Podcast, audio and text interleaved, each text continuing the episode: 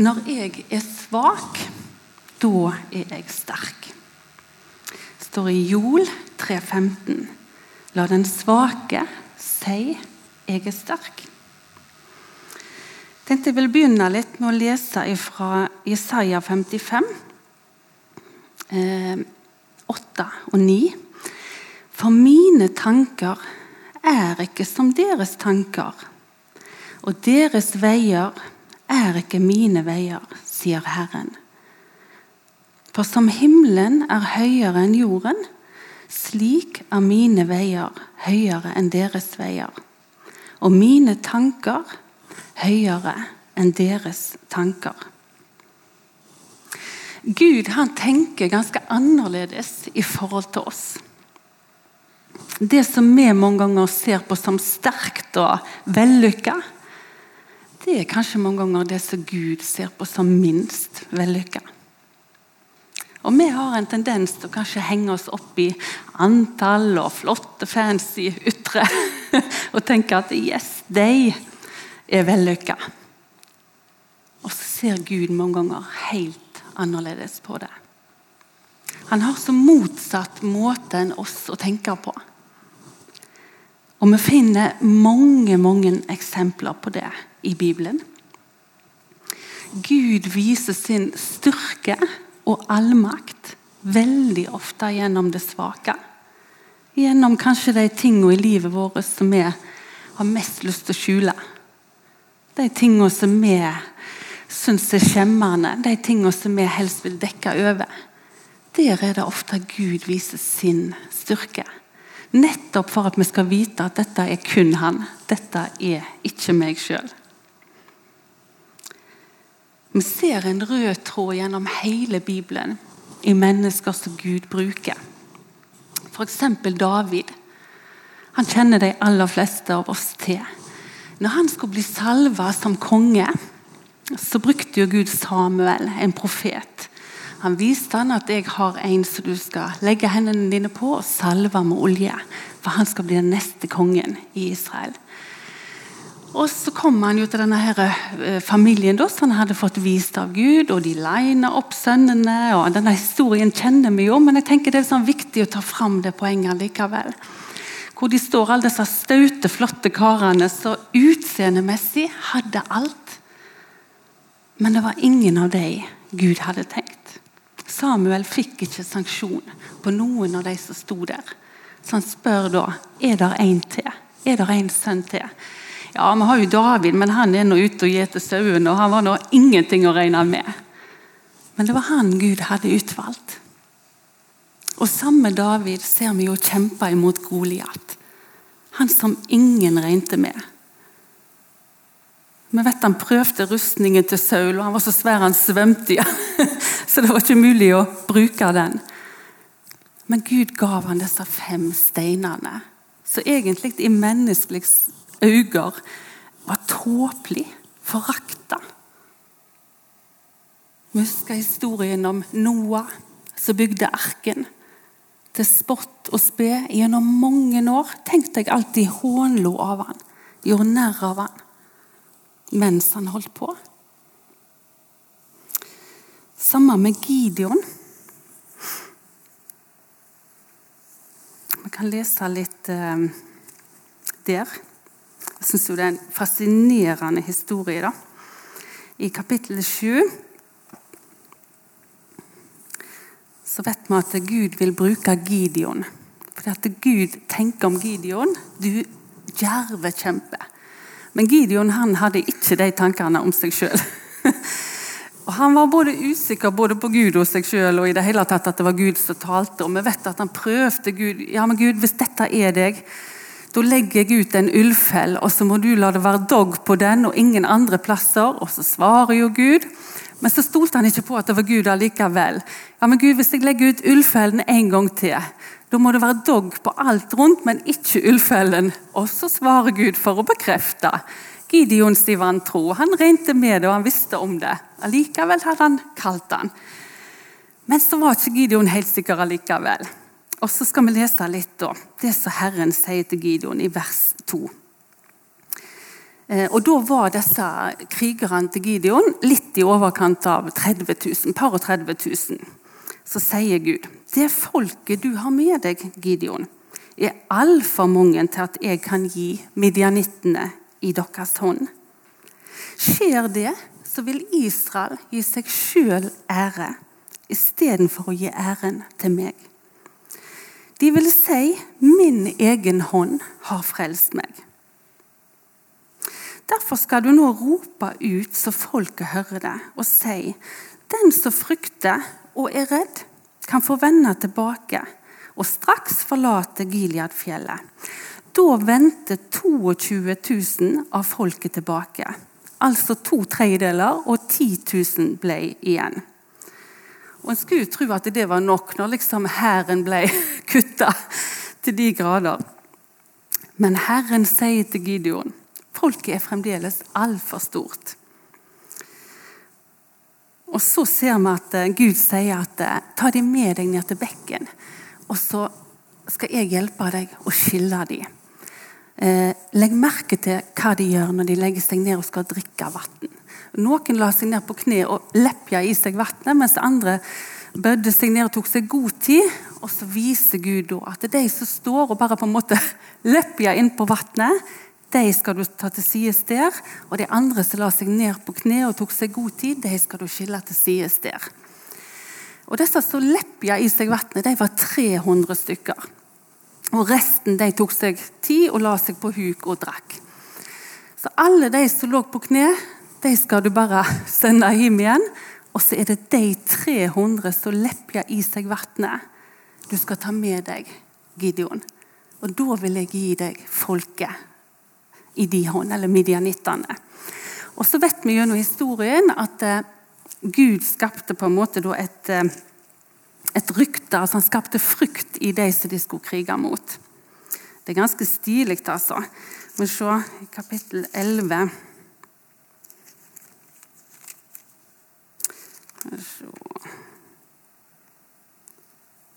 Ja. Det han sier videre til Gideon når han sender han ut her, at Gideon hvis du frykter for å gå ned og krige, skal du gå ned til leiren sammen med din tjener Pura. Du skal høre etter hva de sier. Da skal du bli styrka sånn at du våger å gå ned mot leiren. Sammen med sin tjener Pura gikk han så ned til utposten av de bevæpna mennene i leiren. Og så hører Gideon da en som forteller en annen at han hadde hatt en drøm. At Gideon og hans menn kom og angrep dem, og at de kom til å tape. Så Gud han regnet med vantroen til Gideon. Så han gir en av da fiendene en drøm om at Gideon og de seirer over dem. Det er jo helt fascinerende. Gideon, hvis du frykter, så bare gå ned, så skal jeg enda en gang styrke troa di. Sånn at du våger å krige mot dem. Det er jo helt fascinerende. Gud visste om svakheten til Gideon. Og så vet vi at Gideon vant en mektig seier. Eh, disse medianittene var jo så mange som sandkorna, de enda opp med å krige mot seg sjøl. Pga. at Gud skapte frykt i dem. Og så står Gideon og mennene på tre forskjellige posisjoner på fjellene oppe og gir i et rop på en måte som skaper frykt nede i leiren, sånn at de går til krig mot hverandre, disse fiendene. Det er jo helt fascinerende at det går an. Men sånn er Gud. 300 mann mot kanskje sånn 50 000. Det er jo helt utrolig.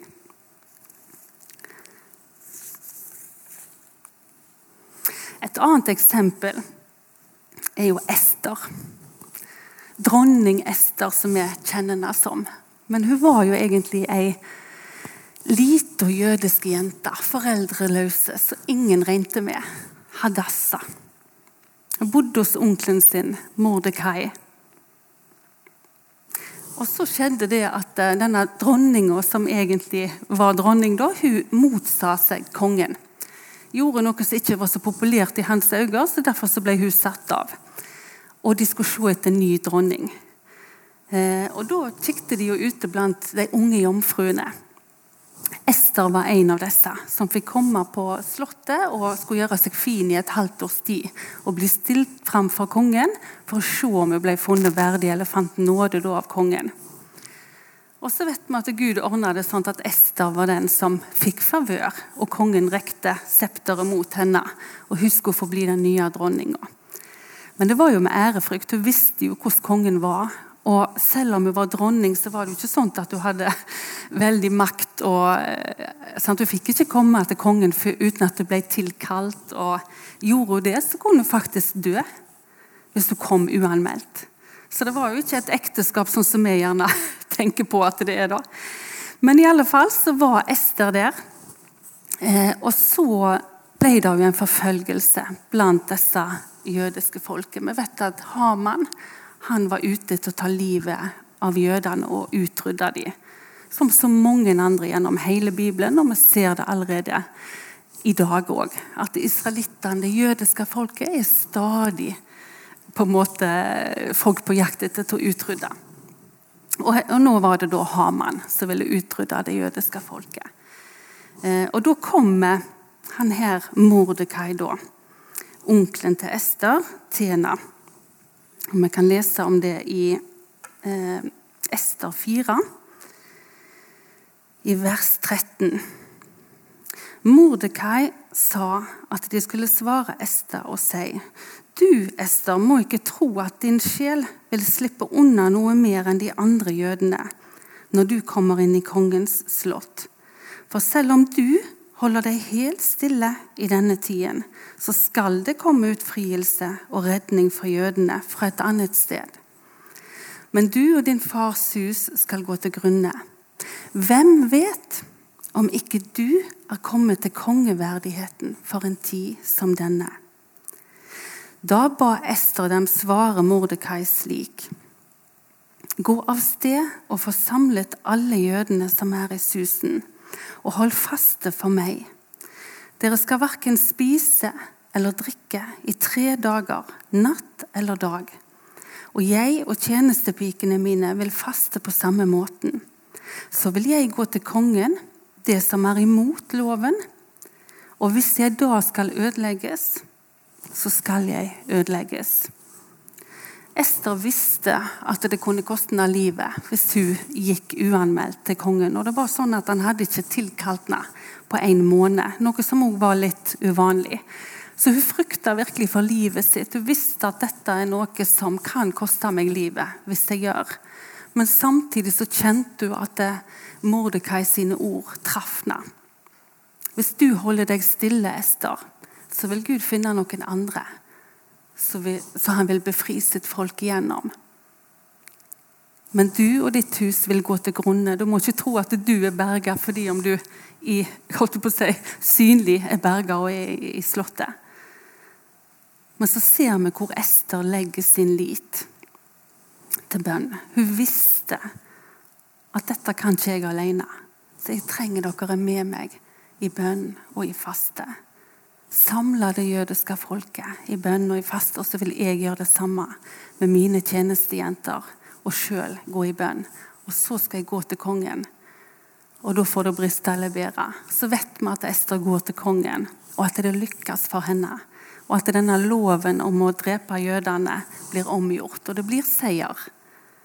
Men Ester vet at styrken min er ved Guds hånd. Hvem vet om ikke det er nettopp for en tid som denne, Ester. Og jeg tenker jo mange ganger det ordet gjerne gjelder for oss òg. Der du er plassert i din hverdag. Hvem vet om det ikke er for en tid som denne at du er akkurat der du er? I yrket ditt, i vennegjengen din, i styr og stell, der du er engasjert. Der du er satt inn. Ester kunne tenkt det var tilfeldig at hun ble dronning. Men det å være bevisst der du er satt, der dørene er åpna for deg. Og ha tillit til at eh, Gud plasserer deg der det er mest tjenlig. Han har valgt den plassen vi bor. Det er ikke tilfeldig at vi er der vi er. Og for en velsignelse å få lov til å bo her, når vi ser på verden i dag.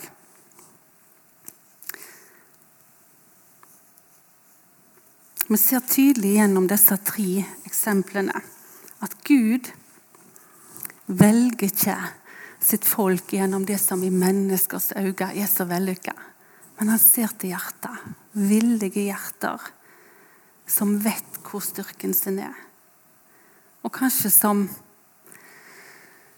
ikke ønsker å ta æren sjøl. Ikke tar æren sjøl. Gud vet at vi, kanskje den største svakheten til oss mennesker, er stoltheten vår.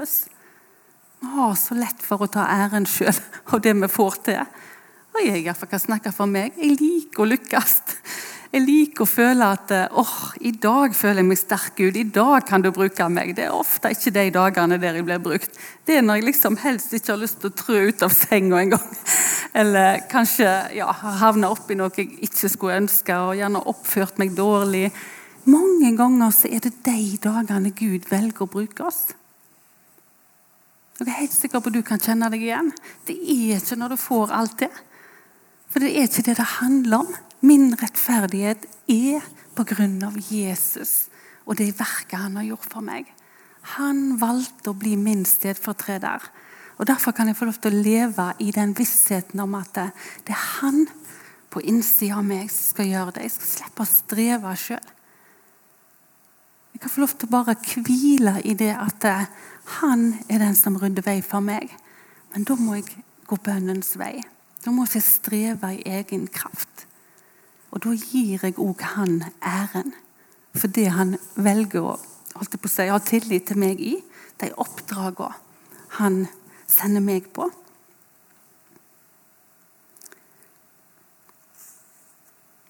Vi ser ofte på svakhet og skrøpelighet som noe negativt. Jeg gjør iallfall det. Jeg vet ikke hvordan det er med deg. Noen som kjenner seg igjen? Det er ikke det vi liksom har lyst til å brette ut. Men når vi ser på historiene i Bibelen som treffer oss, så er det jo nettopp de historiene iallfall jeg kjenner jeg får mest hva skal jeg si, gjenopprettelse og helbredelse igjennom. Når jeg ser Peters fall, f.eks., og hvordan Jesus reiser han opp igjen og gir han en ny start Jeg kjenner så mange ganger at det har oppmuntra meg. Men jeg er helt sikker på at hvis Peter skulle valgt hva historie som skulle stått om han, så hadde han ikke valgt den. Og jeg ser jo når jeg velger å lytte til forkynnere, så kjenner jeg jo at det som treffer meg, er jo de som våger å by på et ærlig liv. Jeg kjenner det er, det er et prøvd liv. Det er sant, det som blir sagt.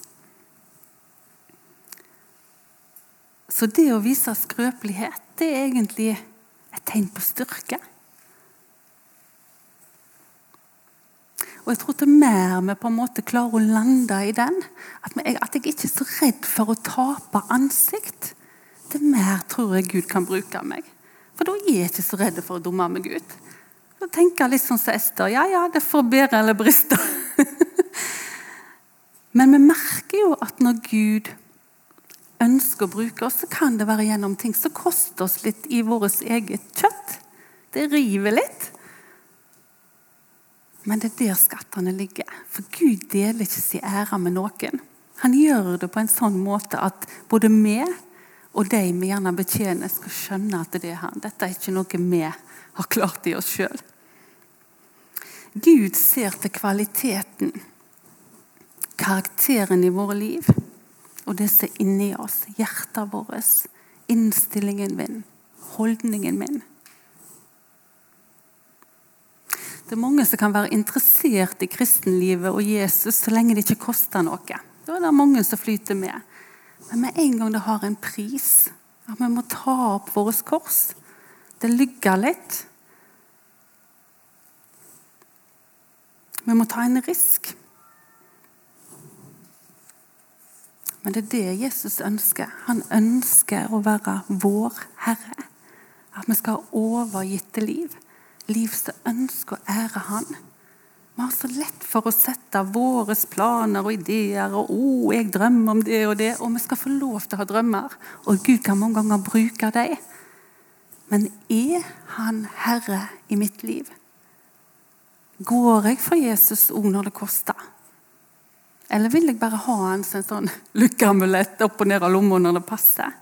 For det koster ofte å gå med Jesus. Det koster.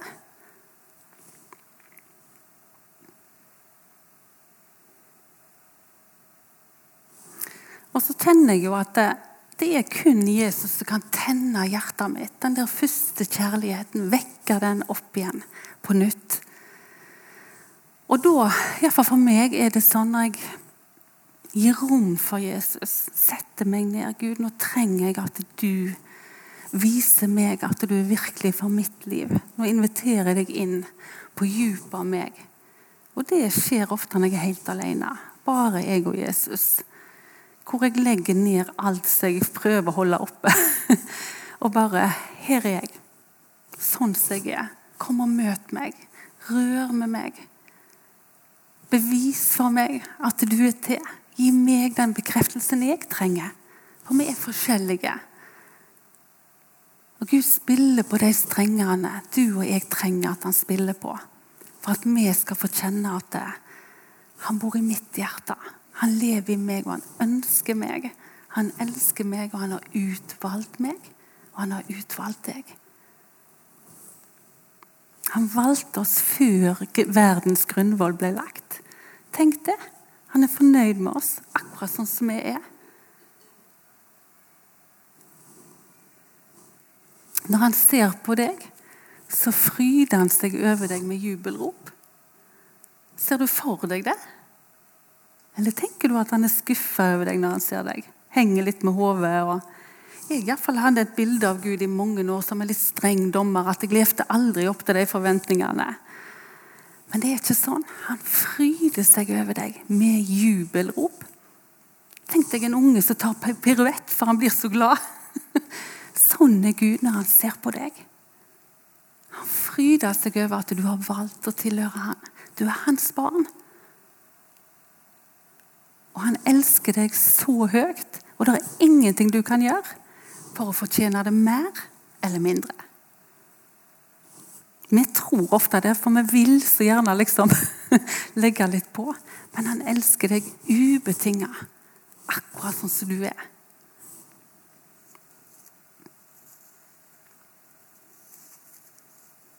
Og jeg tror når vi blir trygge i den kjærligheten i den identiteten, at det blir en sannhet for oss, da ønsker vi å gi andre det vi sjøl har fått. Da ønsker vi å løfte opp andre, eller vaske beina deres.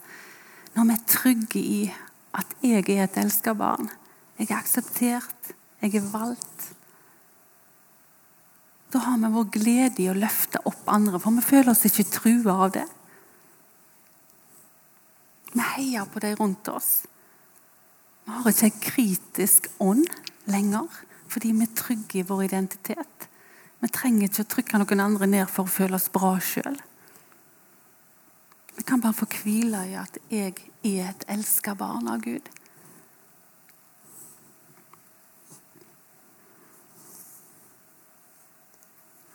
Og Jesus òg, vet du, når han kom Hvorfor valgte ikke Gud et slott? Hæ? kongenes konge i en stall. Og så valgte han ei ugift jomfru på toppen av det hele. Det var jo liksom så uhørt. Han kunne jo valgt ei, gifte dronning, eller sant? Nei. Der ser du Guds tankegang. Så vi, vi klarer ikke med vårt intellekt å fatte det engang. Han tenker så motsatt av det vi gjør.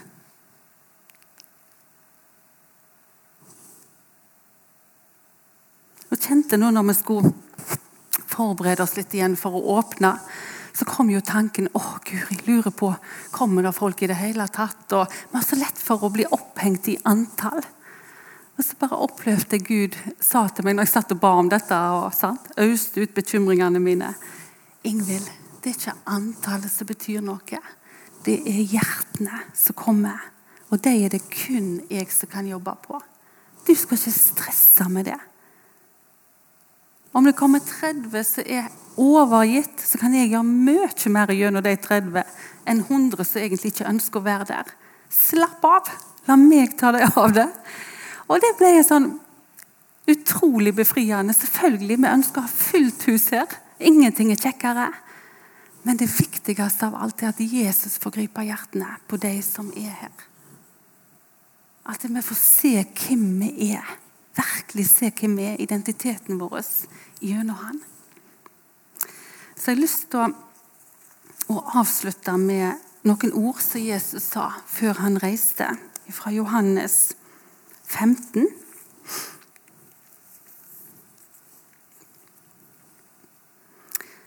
vers 4. Jeg tar også leser litt bruddstykker her, for det er så mye bra. Jeg må bare plukke ut noe. Men Jesus sier da Bli i meg, så blir jeg i dere.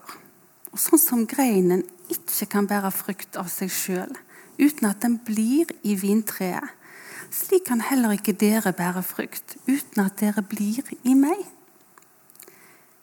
Jeg er vintreet, og dere er greinene. Den som blir i meg og jeg i han, bærer mye frukt. For uten meg kan dere slett ikke gjøre noe. Hvis noen ikke blir i meg, blir han kastet ut som grenen og visner. Hvis dere blir i meg og mine ord blir i dere, kan dere be om hva dere vil, og det skal bli gjort for dere. For i dette blir min far herliggjort, at dere bærer mye frukt, og dere skal være mine disipler. Men nøkkelen å bli i Gud. Og hvordan kan vi det? Jo, ved å holde oss nær til Han i bønn og i ordet. Det er den eneste måten. Her er jeg, Gud. Hele meg. Jeg ønsker kontakt med deg. Og vi vet at Jesus venter alltid en åpen invitasjon. Uansett hva tid på døgnet eller Der er det alltid åpent Så står det litt videre her i vers 17. Jesus som ber for alle de troende. Jeg ber ikke bare for disse, men også for den som kommer til tro på meg ved deres ord. Det er oss. Jeg ber om at de alle må være ett, slik som du, far, er i meg og jeg i deg. At de, også de må være ett i oss for at verden skal tro at du har utsendt meg. Og den herlighet som du ga meg, har jeg gitt dem, så de kan være ett, slik som vi er ett. Jeg i dem og du i meg, for at de kan bli full, gjort fullkommen til ett, og for at verden kan forstå at du har utsendt meg, og at du har elsket dem slik som du har elsket meg. Far, jeg vil at også de som du har gitt meg, skal være hos meg der jeg er, og at de kan se min herlighet, den som du har gitt meg. For du elsket meg før verdens grunnvoll.